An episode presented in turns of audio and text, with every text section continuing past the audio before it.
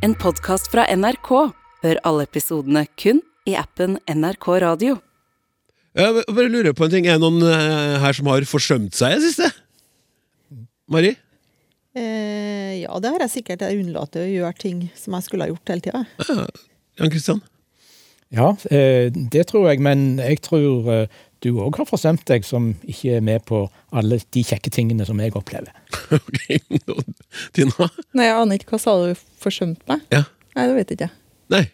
Akkurat. aner ikke. Nei, så bra.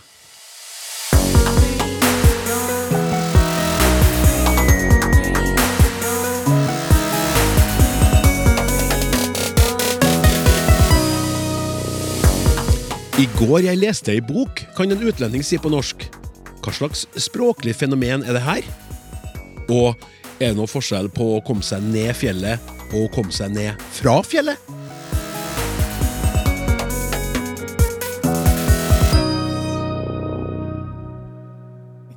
Velkommen skal du være, og takk skal du ha for at Språksnakk er ditt valg i havet av podkaster og radioprogram. Vi har som vanlig timen full av gode spørsmål som både trenger og fortjener svar. Et av dem er knytta til et gammelt stev. Kari og Mari statt opp nå. Tenn ljos, gakk i fjos. Kua har bore svartan kalv, og kalven skal hete Dageros. Ja, nå kan jo du pønske på hva slags spørsmål som kan komme ut av det her, samtidig som jeg minner om at e-postadressen vår er snakk.krøllalfa.nrk.no, mens dem som foretrekker SMS, kan bruke kodeordet 'snakk' og sende sine bidrag til 1987. Tre blidspente språkforskere sitter og kikker bort på meg nå. Mari Nygaard fra Institutt for lærerutdanning, NTNU, velkommen. Takk for det. Fra samme institutt, Tina Louise Strømholt Ringstad, velkommen til deg òg. Takk for det. Og eneste hane i språkforskerkurven denne gangen, fra Institutt for kultur- og språkvitenskap, Universitetet i Stavanger, Jan Christian Hognestad. Velkommen til deg òg. Takk skal du ha. Folkens, når dere ikke er her og koser dere ved å snakke om språk og svar på spørsmål sammen med meg, hva, hva driver dere med, med da, Tina? Akkurat for tida så sitter jeg og sensurerer masteroppgaver og eksamensoppgaver, så det er sikkert mye spente studenter i andre enden, tenker jeg. Det tenker jeg òg. Mari, er det samme for deg, eller? Ja, det er litt sånn, nå har vi jo veileda masterstudentene i mål, og så nå skal vi, får vi, bytter vi oppgaver, og så leser vi og sensurerer for både egen og andre institusjoner. Og så driver jeg og forbereder meg til en konferanse som jeg skal på litt senere i måneden. Ja. Jan Kristian, da? Ja, jeg tror jeg vil fortelle om noe jeg skal gjøre i morgen. Ja. Og Da skal jeg holde foredrag for en gjeng med tyske studenter som er på besøk i Stavanger. Og det er tyske studenter som studerer norsk. Fordi der er folk som studerer vårt språk i andre land. Ah, god dag, det er veldig hyggelig å hilse på deg. Jan Christian. Ja. det er så tøft. Ja. Det, var, det, blir, det blir spennende. Det blir spennende. Og det med norsk i andre land, det er i seg sjøl Det kunne vi nesten lagd radioprogram om. Ja, oh, kanskje noen lyttere har noen spørsmål Ja. om det som kan gjøre at vi kan snakke mer om det senere. Men nå så skal vi gå over til de spørsmålene vi har fått inn som dere har forberedt. Og vi starter med et spørsmål som du skal ta tak i, Mari. Språksnakk med Klaus Sonstad. Hei! Jeg lurer på denne særegne lyden i ordet, og så står det taslete her, da.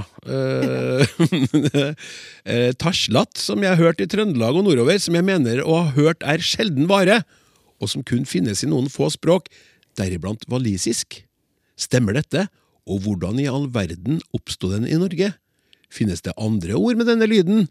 Vennlig hilsen Tiril. Ja, nå sa jeg det sånn, sånn som jeg bruker å si det, da. Taslat, sier jeg da.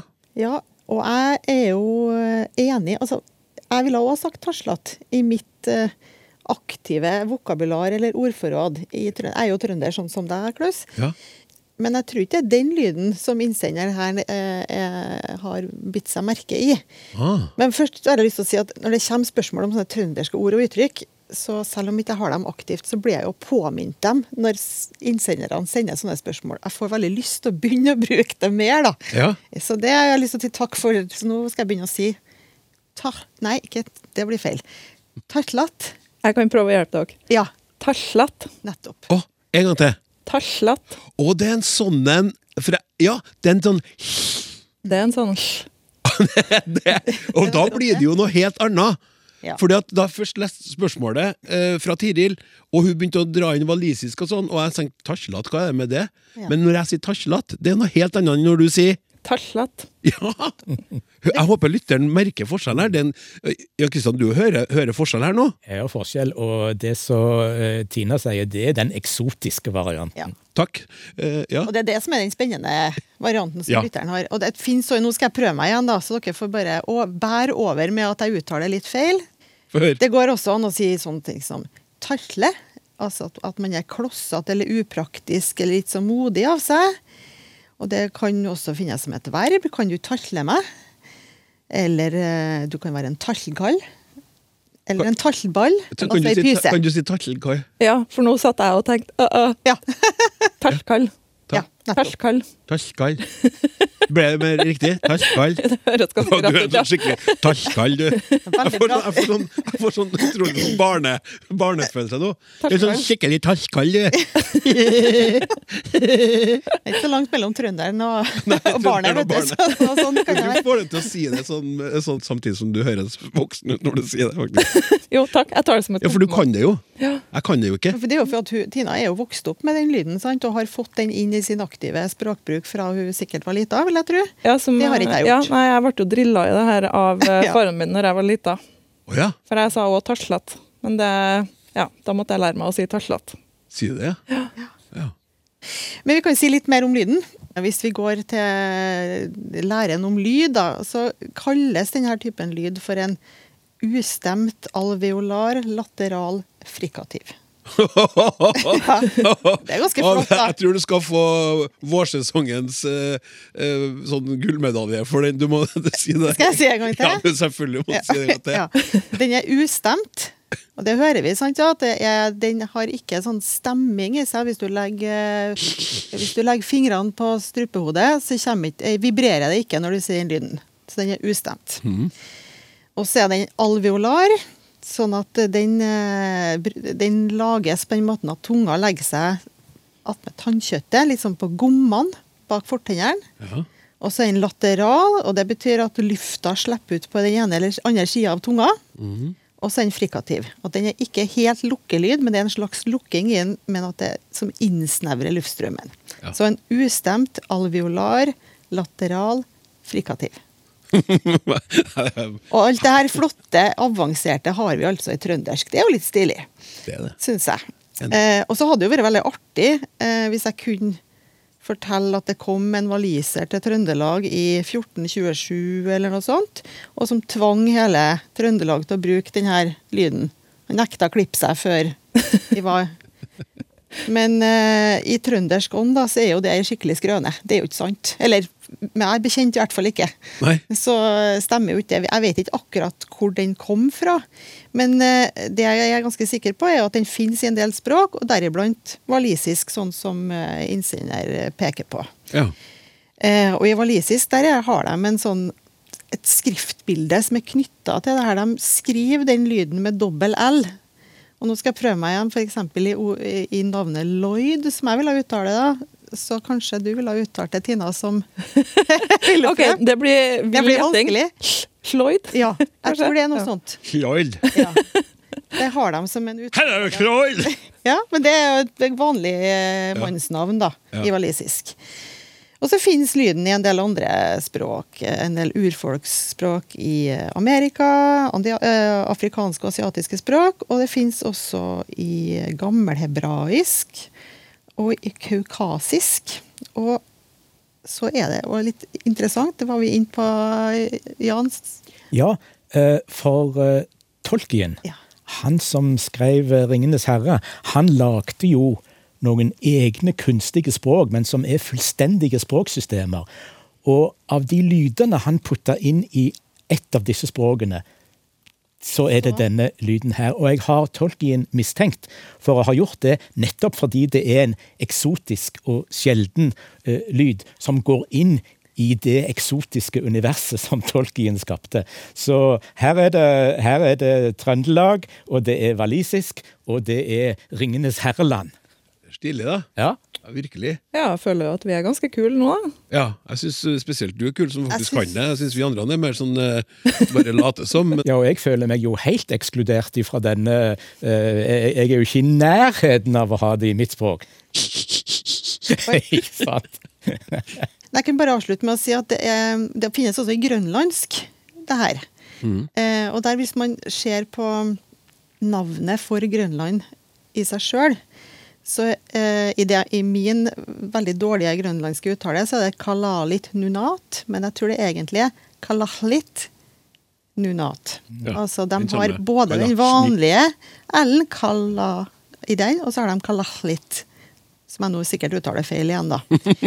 eh, som betyr et land sånn som folkets eller menneskenets land. Så der har vi både den vanlige L-en og den her ustemte alveolare laterale frikativ-venn. ja. Trøndersk, det er en avansert Og et sånt trøndersk er et verdensspråk. Rett og slett. Tusen hjertelig takk skal du ha, Mari.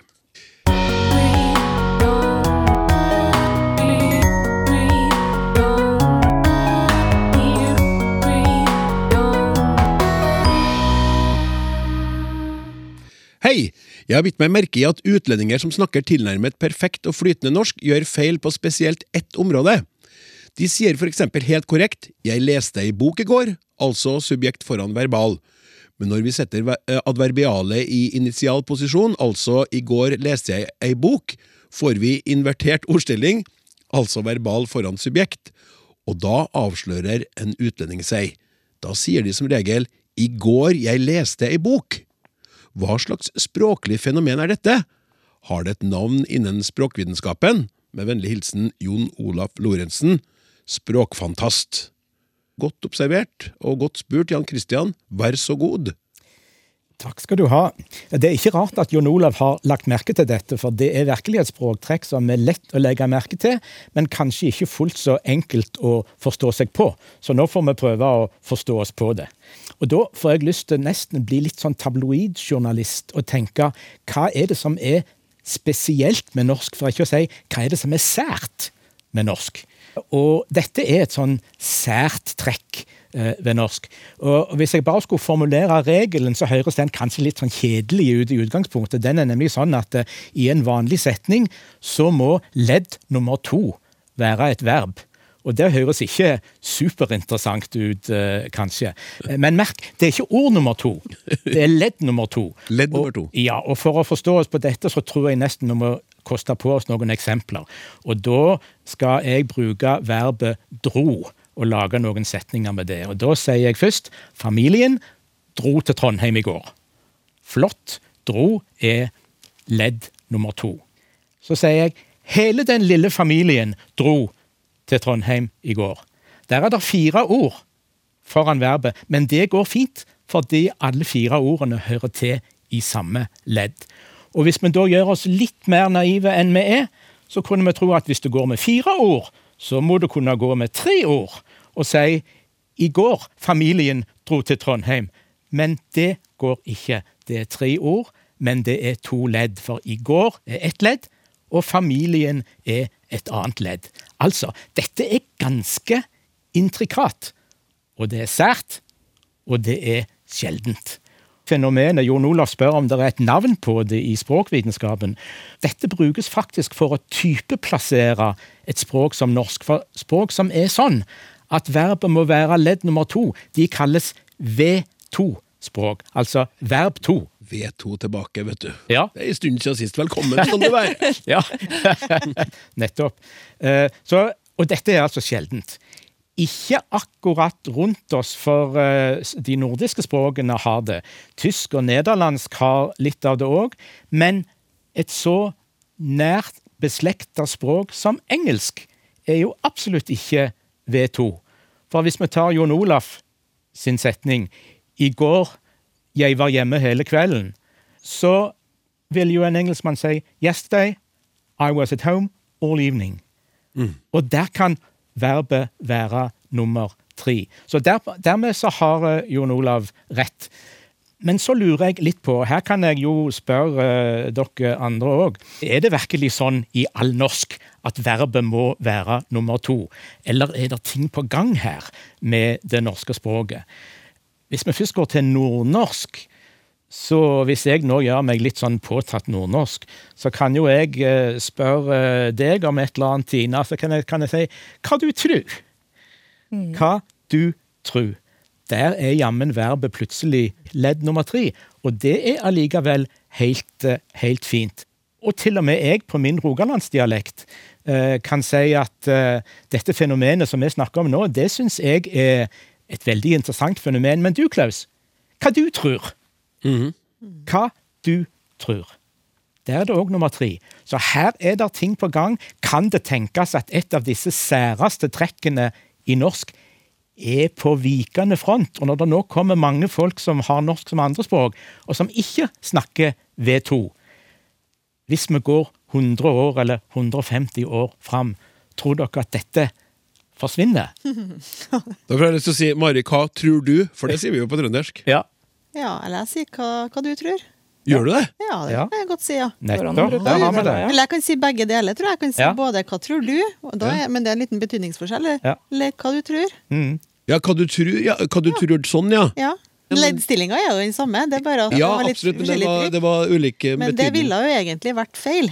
V2-messig, for å si det sånn. Nei, jeg kan ikke spekulere i om det forsvinner eller ikke. Det skjer jo en bevegelse i det her. Både har vi flere norsk som andrespråksbrukere, men det befester seg òg som en type dialekt, eller etnolekt, som det ofte kalles. da, At en del sånne innlærertrekk, blant annet minus V2, da, brukes nettopp for å uttrykke denne stilen. Så det brukes i skjønnlitteratur, i eh, bøker som ja, Tante Ulrikkes vei, f.eks., mm. som er ganske kjent. Der er det jo minus V2 et sånt veldig sterkt språktrekk som brukes for å få fram en spesiell språkstil. Ja, men det som Jan Christian antyder nå, hvis jeg forsto deg rett, da, det er at, at det kan bli en gjengs måte å snakke på for alle Ja, en dag det- der fremme. Ja, Ja, og det Så mitt, jeg eh, mitt oldebarn sier i går jeg leste ei bok, eller Ja. i går jeg leste ei bok, du kan og da vil jo folk bare si om 150 år eller 100 år Hæ?! Hva er bok for noe?! Mm. Hva, hva er det? Hva er det du snakker om? Har du funnet ei bok? Det, ja. For den typen etnolekt brukes jo blant annet mye blant ungdommer. Ja. I visse miljøer, også i, ikke bare i visse miljøer, men i ganske mange miljøer, tror jeg, og brukes ganske bredt blant ungdommer i enkelte landsdeler. Og vi vet jo at en del språkendringer typisk, de starter jo ikke i min generasjon. De starter jo yngre. ja. Ja. Så kanskje ja. Jeg har en eh, kamerat som jobber i barnehage. eh, og Der har de eh, en del assistenter som ikke har norsk som morsmål. Og som da ikke holder V2-regelen når de snakker. Og han forteller at de norske ansatte i barnehagen av og til òg snakker norsk uten V2 når de snakker til disse assistentene. Altså en slags sånn, sånn tilpassing til den du snakker med. Og sånn tilpassing, det kan være kimen til en sånn språkendring som du var inne på, Klaus, at ditt oldebarn kanskje kommer til å representere. Tina? Ja, eh, men for, nå måtte jeg bare hive meg inn, vet du, for at dette skrev jeg doktoravhandling om. Eh, dette med verbplassering til unger. Og da så ser vi i et stort datamateriale at unger altså med norsk som førstespråk, de har en tendens til at de liker å ha verbet veldig langt fram i setninga. Da er det litt annen type sånne setninger enn dem vi akkurat snakka om nå. Men la oss ta en sånn relativ setning som gutten som ikke spiser is. Ikke spiser, sant? Der så vil typisk eh, norske unger, fra de lærer seg å si sånne setninger, si 'gutten som spiser ikke is'. Ja. Så de liker å ha verbet langt fram i setningene, da. Mm. Så det er jo kanskje noe som eh, snakker litt imot eh, sånne Ja. endringer. Det at For- unger er så glad Mm. i å flytte Fordi, verbet ja, fordi at den tendensen skulle jo, skulle jo eh, bevare V2, egentlig. Ja. Og trekke verbet fram. Ja. Hva betyr det, da? Altså, det du har funnet der Det betyr bl.a. at eh, unger lager sine egne språkregler uten at Altså, de tar ikke inn absolutt alt det de hører rundt seg. De har sånne ubevisste språkregler da, Mm. som de lager. Altså, de lager seg hypoteser, ikke sant? Hvordan er det språket jeg hører rundt meg, egentlig? Eh, helt til de har hørt nok til at de gjør det sånn som oss voksne. Mm. Kanskje de- når de er fem år, da, så har de hørt nok sånne type setninger til at de vet hvordan det skal være. Mm. Jeg tror kanskje det, eh, Men dette er jo du eh, spesialist på. Jeg tror at eh, det du sier, er òg en grunn til at unger kanskje har problemer med å forstå hvis det første leddet i setningen svulmer veldig ut.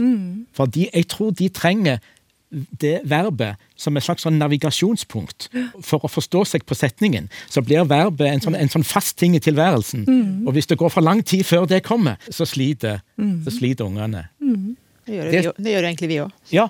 ja. Så hvis, hvis, du ser, hvis du ser sånne eh, kom, veldig kompliserte setninger i skrift med sånne, sånne forfeltsplasseringer som, som å, et svært fett adverbial, og så kommer endelig verbet. Så kan vi gå surr i setningene noen hver. Så jeg tror det er en sånn en, sånn en strategi for å, få, for å få orden på det språklige. Det Ja. er det ungene gjør. Ja, altså, Det er egentlig ikke en motsetning, sant? for det vi snakker om er jo nesten at det trekker i ulike retninger. Sant? Det er noen Ja. som har andre språk som trekker i den, som Den kanskje, retningen. ja. Sånn er det. Og så er det en unger Sånn med norsk som morsmål Ja. som trekker i den retninga. Ja, så bra. Så må jeg bare si at uh, Jon Olaf han mener at det her uh, fenomenet kunne ha vært en fint element i en krim, vet du. Der en uh, oppmerksom etterforsker avslørte en mistenkt som utlending. Hvis hen hadde gitt seg ut for å være norsk. Hen kunne for eksempel si 'I går jeg var hjemme hele kvelden'. Altså noe så sært som en språkkrim. Men det gjelder jo kanskje nå, Jon Olaf. For om noen år, kanskje 100, kanskje 150, så vil det jo være helt vanlig.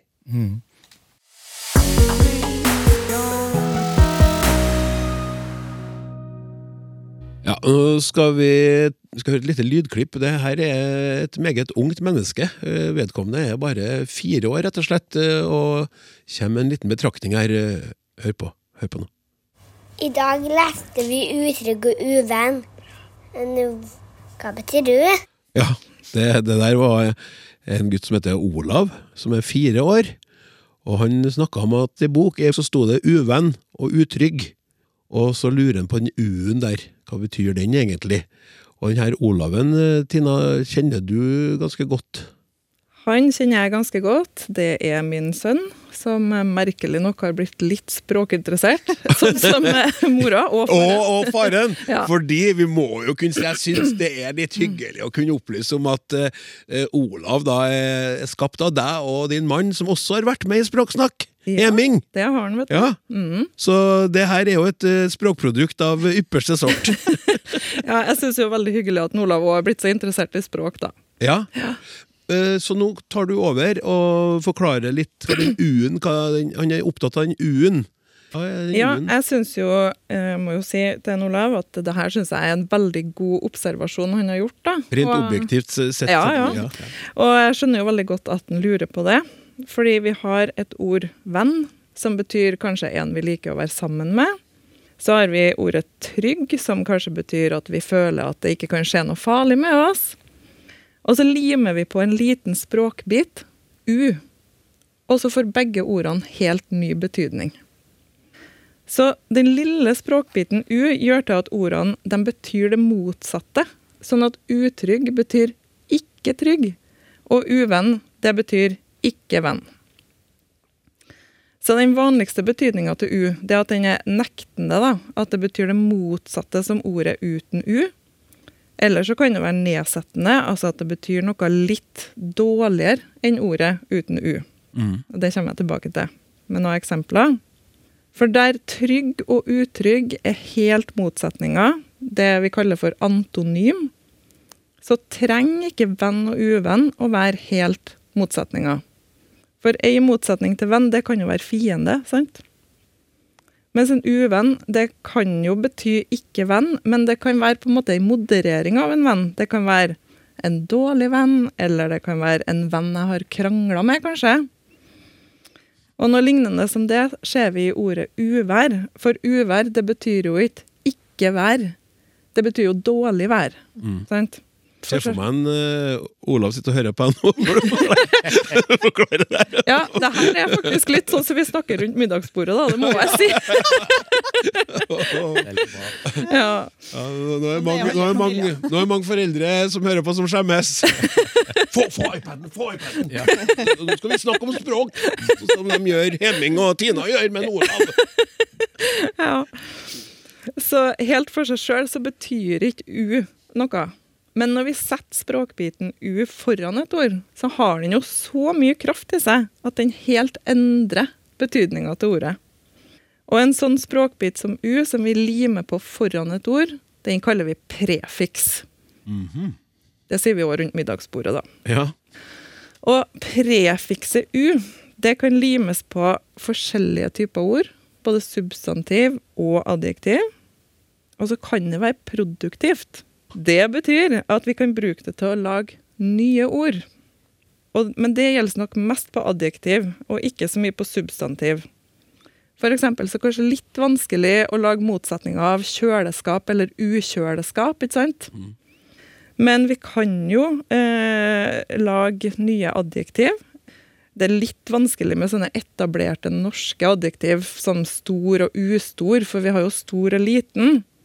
Men vi har jo noen sånne nye låneord i norsk, ikke sant? som cringe, eksempel. Det er veldig kleint, tror jeg det betyr. Cringe. Kan jo si at noe er u-cringe, kan ikke det? Jo, kanskje. Ja. u-cringe. ukringe. Eh, vi kan si at noe er nice, men vi kan jo si at det er unice òg. Ja, Ja. men jeg likte u-cringe, for det ble jo positivt plutselig. Det er så mye den u-en Den bidrar jo ofte til at noe blir negativt. Ja. Men ukringe er jo Ja, var det cringe? Nei, det var faktisk eh, Ja. Minus og minus blir pluss, da. Ja. Mm. For å oppsummere så kan U bety ikke. Og når vi setter U sammen med et ord, så får vi et nytt ord som betyr noe motsatt av, som oftest negativt, da. Eller dårligere enn ordet uten U. Ja, jeg, jeg har eh, på slutten av dette spørsmålet lyst til å komme litt tilbake til Olav. For jeg syns det er så fascinerende med små unger som gjør ting som vi prøver til å få studentene våre til å gjøre, nemlig dele opp ord, og se at ord har mindre biter inni seg. Det som man kaller morfologi på, på fint. Og så sitter denne fireåringen her og gjør ting som studenter ofte har sin fulle hyre med, og ser at her går det et skille i ordet. U er én ting, og venn er en annen ting. Så eh, småunger som språkforskere, det syns jeg er en fantastisk og fascinerende ting. Helt enig, og egentlig så er det der et budskap Jan Christian, til at vi alle sammen må prøve å beholde Ja. barnet i oss, og se på, se på verden med litt sånn, ikke barnslig, men barnlig blikk. Mm. Da vil vi oppdage ting som vi har slutta å legge merke Ja. til, tror jeg, da. Så barn kan gjerne sende inn flere spørsmål. Absolutt. det. Ja. Sjøl om foreldrene ikke er språkforskere. Ja, Absolutt. Jeg heter Eva. Mitt favorittord er eh, sol. Fordi det assosierer jeg bare fine ting med.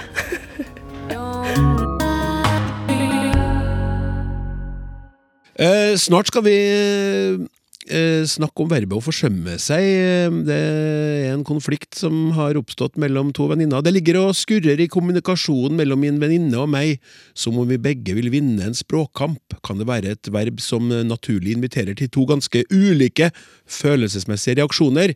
Spør lytteren, og vi har nok en feide å fikse opp i, men først så skal vi ta for oss noen småfrekke stedsnavn. Vi snakka om eh, Knullskaret utafor Melhus eh, forrige gang, og dere ble oppfordra til å sende inn flere eksempler på sånne lokale geografiske morsomheter, og det har dere jo tatt tak i. Og... Hei! Jeg bor i Lyngen i Nord-Troms, og utenfor Lyngseidet har vi ei lita øy som heter Runka. Vet ikke om opphavet til navnet er samisk som så mange andre navn på fjell, daler, vann osv. Kanskje dere kan finne det ut, eh, sier Mette Sandåker. Sandåker. Eh, ja, da er jeg på fniseren med en gang. Altså, der har dere meg, kjære lyttere. Skal ikke mer til. Dritut og Pisserud var to husmannsplasser i Nordstrand bydel i Oslo. Pisserud har blitt Passerud. Dritut lever bare på et navneskilt. Begge plassene er ellers fraflyttet og nedlagt. I Feiring Eidsvoll skal det være en migarbekk. Pene damer omtalte den som bekken med det stygge navnet. Navn på mig fyller ei lang liste i norgeskart. Handler vel om en tynn vannstråle. Lillestrøm har Skrevet. Stedet der hovedbanen og Kongsvingerbanen skiller lag i et Y-kryss, skriver Arna Andersen og ønsker lev vel. Hei! Takk for underholdende og lærerikt program som jeg hører i bilen hjem fra jobb hver søndag formiddag. I dag snakket dere om litt vovede stedsnavn, og jeg kom da på et TV-program en gang i det forrige århundre, der skuespilleren Lars Andreas Larsen kunne ramse opp en rekke slike navn, fra Lindesnes til Nordkapp. Det eneste jeg husker var Kjerringskrevet. Følg gjerne opp dette! Det finnes sikkert mange rundt omkring. I farten kommer jeg på Hurrahølet i nærheten av Askim. Man kan jo tenke seg hva som der har foregått. Beste hilsing Åge Johansen. Og så avslutter vi med en eh, SMS fra Halvor. Apropos dagens tema, skjær utenfor Larvik. Knullerne! Tusen hjertelig takk for alle bidrag. Vi lukker e-postboksen. Engasjement.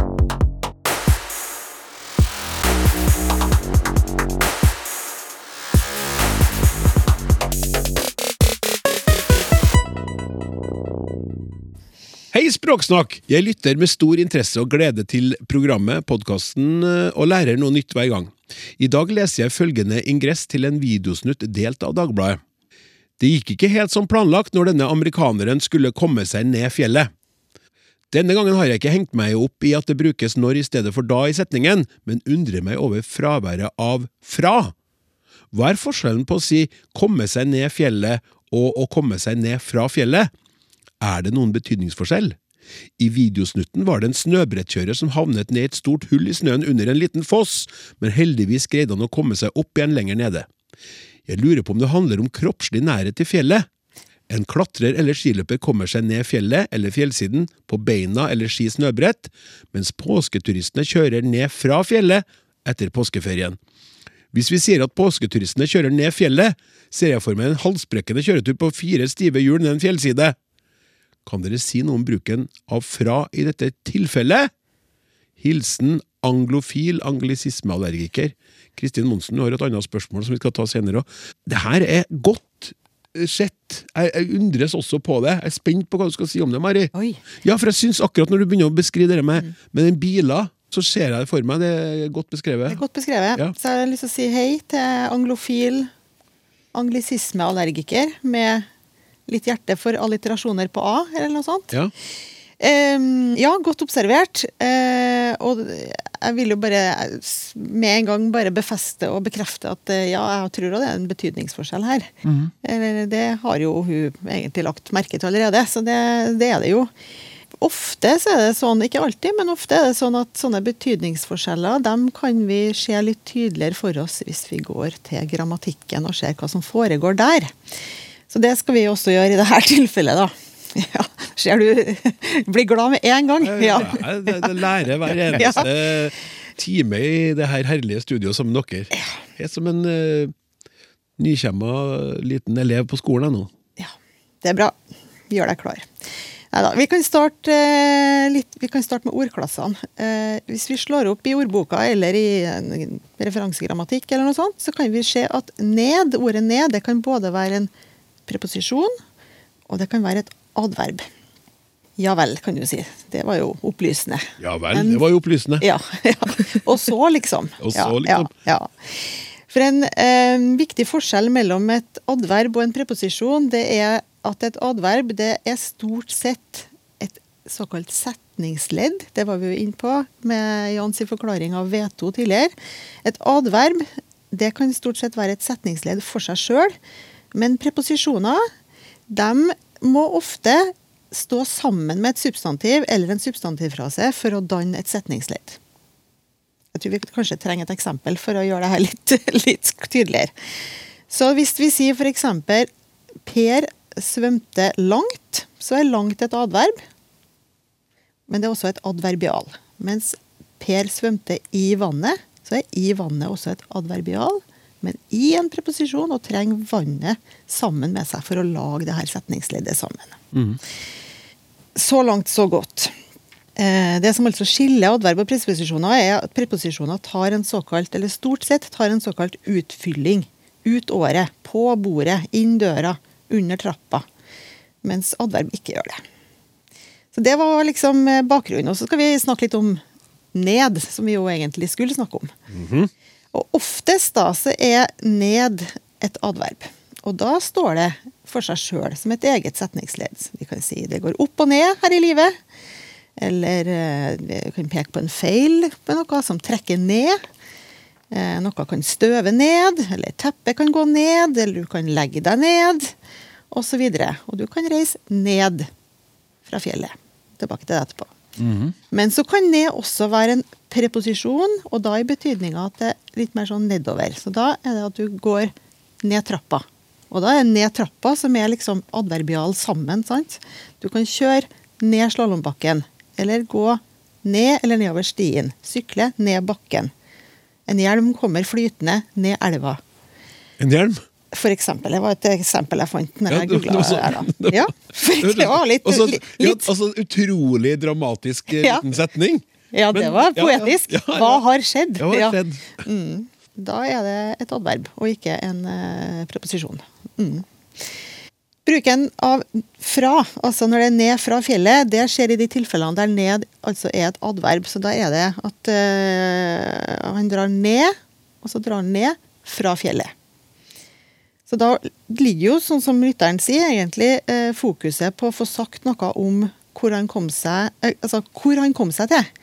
Føyer vi, ned, føyer vi til fra fjellet, så blir det liksom et adverbial. Han kommer seg ned fra fjellet. Mens i det andre, ned fjellet, eh, fær ned fjellet, så er det hele den derre ned fjellet som er adverbial. Eh, og da er det i betydninga at han fær nedover fjellet.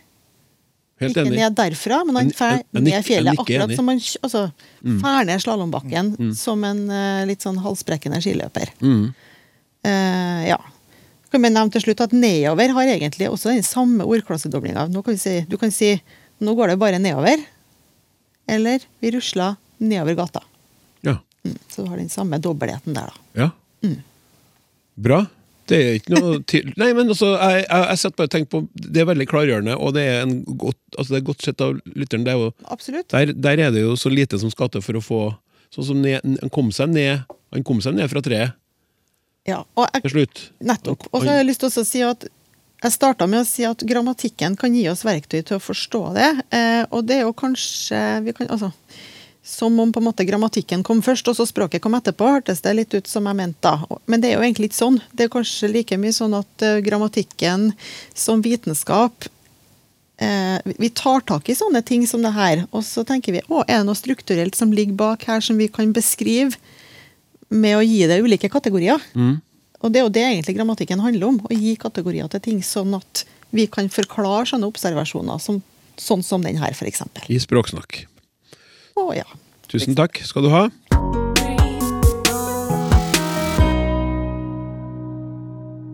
Og vi eh, skal fortsette i fjellheimen, vi faktisk. Selv om eh, det her også er et aktuelt spørsmål for dem som foretrekker f.eks. For innendørs klatrehall. Hei, Språksnakk! Vi er en gjeng som liker å klatre sammen, og da er det viktig å passe på at sikringskjeden er trygg. Vanlig rutine er å sjekke hverandre, at klatreselen er tatt, tatt, tatt på riktig, og at tauet er knyttet ordentlig. Typisk kommentar etter en sjekk kan være Den knuten holder, eller Den knuten er sikker. Da føler vi oss trygge. Men om noen slår sammen de to ordene, så blir det ikke ekstra trygt, men faktisk det motsatte. Den knuten holder sikkert. Og da tør vi ikke klatre, fordi det virker jo veldig usikkert. Hva er det som gjør at et ord kan skifte betydning slik? Med vennlig hilsen Magnus Køber, eller Kjøber. Ja, altså, jeg har jo høydeskrekk, så jeg hadde jo kommet til å spurt om og om uansett, eh, til de har svart på alle mulige måter at tauet og sikringa har vært trygg. Men Jan Kristian, hva er det som gjør at et ord kan skifte betydning slik? Ja, jeg tror ikke bare vi skal fortsette å være i fjellheimen, sånn som du sa, men jeg tror kanskje vi skal være litt der som uh, Mari var i det forrige spørsmålet. For uh, uh, her må vi gå ifra høydeskrekken din, Klaus, og til grammatikken og til ordklasser nok en gang. Ja. Fordi sikker kan òg brukes som ulike ting i språket. Det er jo et adjektiv i utgangspunktet. Men så er det sånn på norsk eh, at når vi bruker en interkjønnsform av et adjektiv, sånn som sikkert, så kan det gå på jobb i språket som det som eh, Mari kalte et adverbial. Ok, Nå får vi se hva vi kan bruke det til i dette spørsmålet. Men ikke sant?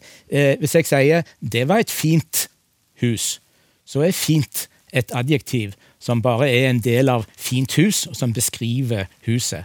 Men hvis jeg sier 'hun synger fint', da er det et adverbial der vi bruker denne interkjønnsformen av adjektiv. Og det tror jeg er noe som er i spill eh, i det som, eh, som, Magnus spør om her. Fordi um, hvis, sier, hvis, jeg sier at ja, det, dette her er et sikkert alternativ, da er det adjektiv, og da tror jeg du ville føle deg trygg, Klaus. Ja. Eh, dette er et sikkert alternativ. Ja. Yes, dette går bra. Så trygg som jeg kunne vært, for eksempel, hvis vi snakker om en sånn situasjon. Ja. Da hadde jeg, da hadde sett deg i øynene, og du hadde sagt det, mm. så hadde jeg tenkt ok, da, nå gjør vi det. Og så er det det andre alternativet. Eh, den knuten holder sikkert.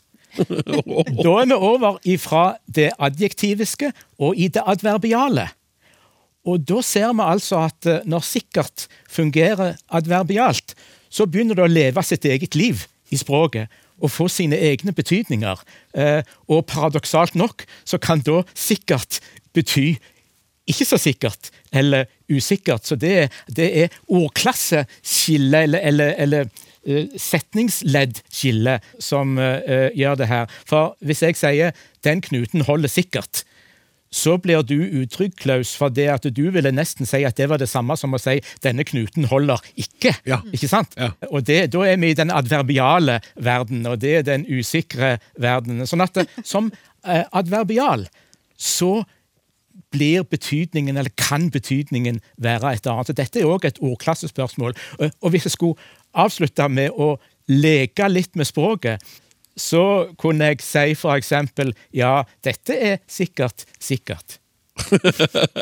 og da ville jo jeg egentlig ha sagt at nei, dette er ikke så sikkert. Det vil jo være om det samme som å si dette er antagelig sikkert. Så dette er sikkert sikkert. Der bruker du begge på en gang og får begge disse betydningselementene med deg. Ja, jeg tenker bare på klatringa. Ja. Eller, eller sånn strikkeopp-greie. Så, så, sånn, mm. Er det her greit? Ja, det holder sikkert. Mm. Jeg kjenner meg litt igjen i det. ja, ja. Takk skal du ha. Hallo, jeg heter Nima, og mitt favorittord er antikvert. Det er da et antikvert ord for å være gammeldags. Ja, hvorfor det er det? Det er vel fordi jeg assosierer det litt med meg sjøl. Bruker litt sånne gammeldagse ord. Det, det er kult i dagens opp. Fra mitt område, Fronsbygdene i Gudbrandsdalen, brukte de gamle en merkelig form. Den kan best illustreres med del av et gammelt stev. Og jeg bare sier fra med en gang, eh, dere som har hørt på helt fra starten, vet jo at noen, noen stever jeg ikke, men jeg hiver meg utpå. Kari og Mari statt opp nå, tenn i ljos, gakk i fjos, kua har bore svartan kalv, og kalven skal hete Dageros. Det høres ut som en kommandoform av å stå opp og gå. Statt opp og gakk. Kan opprinnelsen forklares? Hvis jeg når opp til vurdering, så vil jeg gjerne vite om og eventuelt når det skjer, skriver Odd. Vi skal prøve å gjøre vårt beste for å gi deg beskjed om det, Odd. Men Tina, i dette stevet er det to ord. Kommandoform og stå opp og gå. Hva tenker du? Ja, først så må jeg bare si at uh, han Odd ja, han nådde opp til vurdering, så absolutt. For jeg ja. elska jo det her spørsmålet. Ja. Det går liksom noen lange språkhistoriske linjer her, da. Så vi skal trekke linja tilbake til norrøn tid. Norrønt språk. Og han Odd har helt rett i at eh, stat og gakk det er kommandoformer, bydeformer, eller det vi kaller imperativ. Stat og gakk. Ja. Og jeg vil gjerne bare starte med å oversette liksom hele det stevet til nåtidsnorsk, da. Eh, for da har vi noe sånt som eh, Kari og Mari, stå opp nå. Tenn på ljos, gå i fjos. Kua har født en svart kalv, og kalven skal hete Dagros. Blir ikke like kult. Nei. det er ikke like mye schwung, kanskje. Nei, absolutt. Litt flatere. Ja, ja. Spørs på dem som sier det framme, da, vet du. Så stat er altså imperativ av infinitiven standa og stå. Og gakk er imperativ av infinitiven ganga og gå. Og både stander og ganger er da verbformer som vi har fra norrønt, så det er gammelt, det her, da. Ja. Så spørsmålet er jo egentlig hvordan har vi fått imperativforma statt av stander og gakk av ganger? Ikke sant?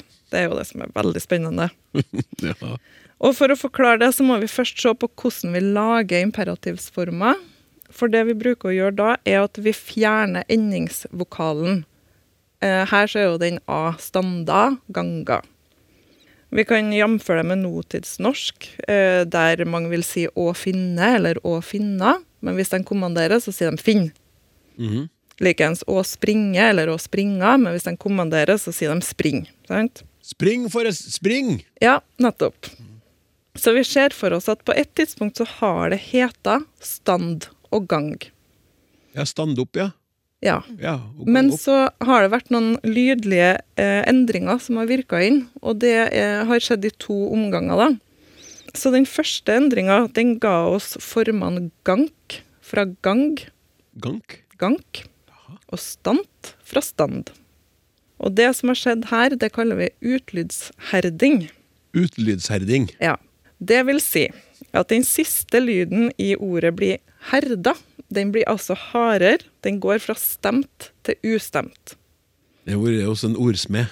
Ja, og vi var jo, Mari var jo inne på litt tidligere, sant, når vi snakka om tallete. Eh, det her med ustemt og stemt, om vi kjenner at det vibrerer i halsen. Så det som skjer ved utlydsherding, det er at en mjuk, stemt konsonant som g Du kjenner det? Ja? G. Det vibrerer litt i halsen her. Ja, det det. Det går til å bli den hardere, ustemte versjonen k. Ja. Da har vi fått eh, gank fra gang. Gank. Og så fra d så får vi t. Vi får stant av stand. Og dette her er ikke noe sånn spesielt fenomen, da, for utlydsherding det finnes òg i f.eks. notidstysk og russisk. da. For da har vi jo gank og stant, sant? Og i neste omgang så har den siste lyden i ordene påvirka lyden foran. Og da har det skjedd det som vi kaller for assimilasjon, at lydene har blitt lik. Assimilasjon er jo kanskje et ord vi kjenner fra andre eh, kontekster, ikke sant? Som går ut på å gjøre noe likt. Og da har vi fra nk fått bare k. Så fra gank så har vi fått gakk. Og fra nt så har vi fått bare t. Så vi har fått statt. Og det samme eh, finner vi faktisk igjen i moderne islandsk. Der, eh, heter, der er infinitiven fortsatt ganga, og imperativen gakk. Men ofte så bruker man med pronomen, da, så jeg sier gå du. Det blir gakk du. Gakk du. Ja. Og så finner vi en del sånne relaterte former som dette her i notidsnorsk òg. Og vi tenker kanskje ikke så ofte på at det er en sånn her eh, lydlig sammenheng mellom ord som et sting når du syr, ikke sant, og få et stikk. Sting og stikk, der har du den ng og k. Mhm. Eh, Likeens mellom springe og sprekke. Og de ordene har jo faktisk samme opphav. Du kan kanskje si at noe springlekk. Det er jo fordi at det sprekker. Ja, så det har den eh, sammenhengen der, da. Ja. Og hvis jeg kan få lov å påpeke noe annet òg, så syns jeg det var veldig artig å se det adjektivet her. Kua har båret svartan kalv. ja. Der har vi da ei kasusform, ei gammel kasusform av adjektivet svart. Så vi har en akkusativ form, da. Så få linjer, så fint lite stevvers, eller vers i et stev, og så så mye å snakke om for en språkforsker. Ja. Du skal ha takk for din forklaring om statt og gakk. Takk for at jeg fikk lov å snakke om det. ja, og da skal du Takk for at jeg fikk snakke om statt og gakk. Så blir det bare riming hele veien. Ja. Men, eh, men nå, altså, nå, takk. Og eh, altså, det er jo den derre gangen fra det ene til det andre som jeg er så glad i språksnakk. For nå skal vi atter en gang prøve å ordne opp i trøbbel eh, blant mennesker som egentlig står hverandre ganske nær. Hei! Artig å høre på dere. Jeg har et spørsmål. Det gjelder verbet å forsømme seg. Følgende skjedde. Etter et slags vorspiel var det bare meg av fire mulige venninner som ville gå på konserten vi hadde billetter til. De andre ble igjen litt styrt av skepsis for om det ville være noe som falt i smak. Noen dager seinere møtte jeg en av dem og sa Du forsømte deg, det var en spennende konsert. Min venninne ble tvert veldig fornærma og sur. Hun ville ha seg frabedt at jeg snakket slik til henne. Hun oppfattet det som en anklage, og det ville hun ikke ha noe av. Jeg ble virkelig tatt på senga. Jeg legger et helt annet følelsesmessig innhold i en slik uttalelse. Det vekker min nysgjerrighet. Jeg ville sagt noe slik Oi, så bra, fortell! Mer med tanke på hva kan jeg lære til en mulig senere lignende sak, altså vekke en ettertanke. Det vittige var at for et par dager siden ringte en annen venninne og åpnet med å si Britt, du forsømte deg i går, det var en så fin forestilling. Jeg hadde ikke kommet meg av gårde, det var jo litt dumt, men jeg svarte umiddelbart, og naturlig for meg, så bra, fortell, og det gjorde hun med stor entusiasme. Det ligger og skurrer i kommunikasjonen mellom hun første venninnen og meg, som om vi begge, begge vil vinne en språkkamp. Kan det være et verb som naturlig inviterer til to ganske ulike følelsesmessige reaksjoner? Veldig fint om språksnakk kan avklare dette, skriver da Britt. Det er en feide mellom venninner, og jeg må bare starte med å si, Mari, at det her forsømte deg, det, det, det har jeg nesten ikke hørt før, jeg. At man sier det i sånn sammenheng. Du forsømte deg, det var en spennende konsert. Og det tror jeg er ganske viktig at vi, vi skal holde fast i det. Fordi at ordboka, hvis vi går liksom, ja, slår opp ordet her, da, eh, så lister det opp to betydninger av forsømme. Sånn som eh, Britt er inne på. Det kan bety å unnlate å gjøre noe som man er nødt til å gjøre, noe man plikter å gjøre. Mm. Og så kan det bety den her å unnlate å bruke en sjanse. Ja. Man kan på en måte, hun kan jo ta ordboka i hånda og så springe til venninna si og si at hun hadde rett. Jeg vil ikke anbefale det som et sånt vennskapelig forsoningstriks. da. Nei, Det er alltid det, beste å gjøre det på den måten. Heller heller ta det via språksnakk. Ja, det er alltid lurt. Jo, det tror jeg er lurt. Alltid lurt å gjøre det. ved Ja, ja. Fordi, som du var inne på, og som jeg har vel samme språkfølelsen sjøl, det hjelper jo ikke så mye hva som står i ord ordboka, hvis ikke det er den betydninga som jeg opererer med, eller jeg ikke bruker i mitt språk, eller kan eller har befatning med. Da vil jo kommunikasjonen bryte sammen, og det har den jo tydeligvis gjort her, da. Akkurat sånn som deg, og egentlig sånn som venninna, da. Jeg bruker forsømme som i det å unnlate å gjøre noe man plikter. Nå har jeg forsømt meg, Uff, jeg har glemt å gjøre den tingen jeg skulle ha gjort. Jeg har glemt å forberede til, små, til språksnakk. Da hadde jeg forsømt meg. Kommet uforberedt, på en måte. Ja. Jeg har ikke aktiv den andre betydninga, og det er sånn er det med deg òg. Ja, og det, sånn er det kanskje med dere dere ja. ja. Jan Kristian, si kan du si det i denne sammenhengen?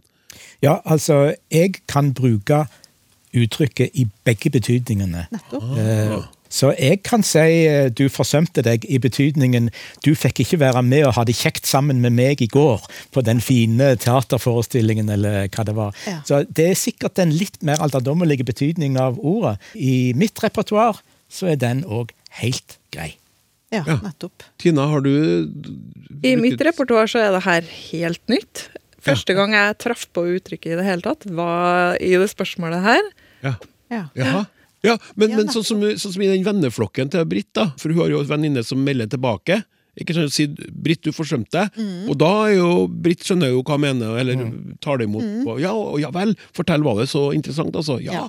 du aner ikke. De er på bølgelengde, De er de, to siste. Men de to første er jo ikke helt på bølgelengde. på det her. Eh, og det, altså, bare for å liksom få sagt det, så er det jo det uenigheten bunner i. Britt mente sjøl at venninna forsømte seg i betydning to. Mhm. Og hun unnlot å dra på konserten og burde ha vært der, for den var kjempebra. Og det var synd hun ikke ble med. Ja. Mens venninna oppfatta betydning én, og tenkte at Britt mente at du ikke hadde stilt opp eller hadde unnlatt å gjøre oppgavene sine og ikke komme. Altså, hun, hadde, hun, følte seg anklaga. ja, for hun skriver jo også Hun ville at jeg kun skulle si noe om en oppfatning av hvordan jeg likte det. Umiddelbart, ikke sant? Ja. Som jeg, jeg, leste ikke opp det, men det lå liksom under at hun sa ikke, ikke snakk sånn til meg, fortell hva Ja. du opplevde, ikke begynn å Ja. klandre meg. At man opplever, opplever det som forsømte som klandrende. da. Mens i ditt tilfelle, hvis du hadde sagt det til meg, Ja. så hadde du sagt at du gikk glipp av noe. Ja. Altså Ikke som en klandring, men skulle ha vært med, for det var så bra. Men nå har vi jo egentlig funnet ut at eh, de samme typene misforståelser kunne ha oppstått rundt dette bordet Ja. i, i samtaler mellom oss, fordi at vi har så forskjellig forhold til disse to uttrykkene, eller disse to betydningene. Hvis vi skal være litt, sette litt på spissen og være litt sånn konfliktråd, da. Kan vi si sånn at Britt har på en måte rett med ordboka i hånda. Mhm. Mens hun venninna Hun er litt mer ungdommelig i, sin språk, i sitt eh, er- språkrepertoar, mm, da, for de har mista den Ja. arkaiske Mm. betydninga Mm. som Jan har. Hvis vi skal liksom stille opp som hvem, hvem har eh, rett. Ja. Men altså, jeg har litt lyst til å liksom å Hvor sannsynlig er det at du ringer venninna di og sier og anklager for at du ja. Det er et eller annet med i kommunikasjonen der som jeg syns er litt interessant òg. Ja, jeg er enig. De- de- men la oss si at hun venninna hadde begge, Jan begge sine betydninger liksom, i repertoaret sitt, og hadde dem kanskje den ene litt sterkere enn den andre, for det, det tenker jeg kanskje er for din del, og at den, eh, den pliktbetydninga er på en måte den mest nok presente, på en måte, den du griper først til. Så, Ja. ja.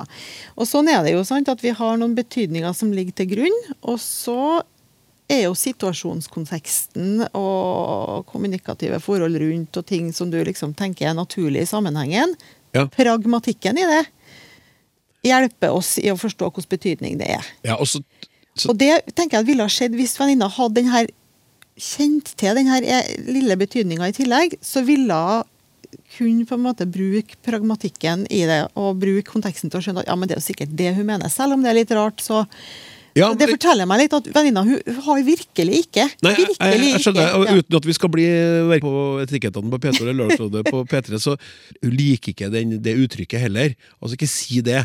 Jeg kan ikke bare fortelle hva du Må du kommentere meg nå, som valgte å ikke være med? Det var mitt valg, kan ikke bare si hvordan det var. Ja. Ikke sant, at Det kan være en sånn opplevelse òg. Men jeg vil si til Britt, ta en prat med venninna di.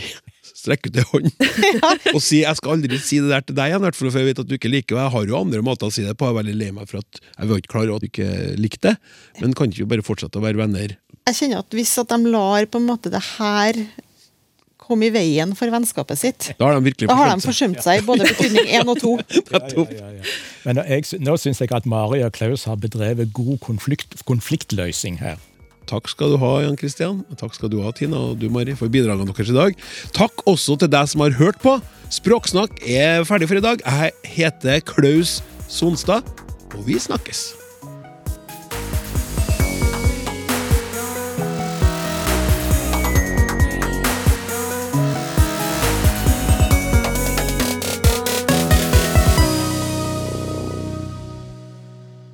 Du har hørt en podkast fra NRK. Hør alle episodene kun i appen NRK Radio.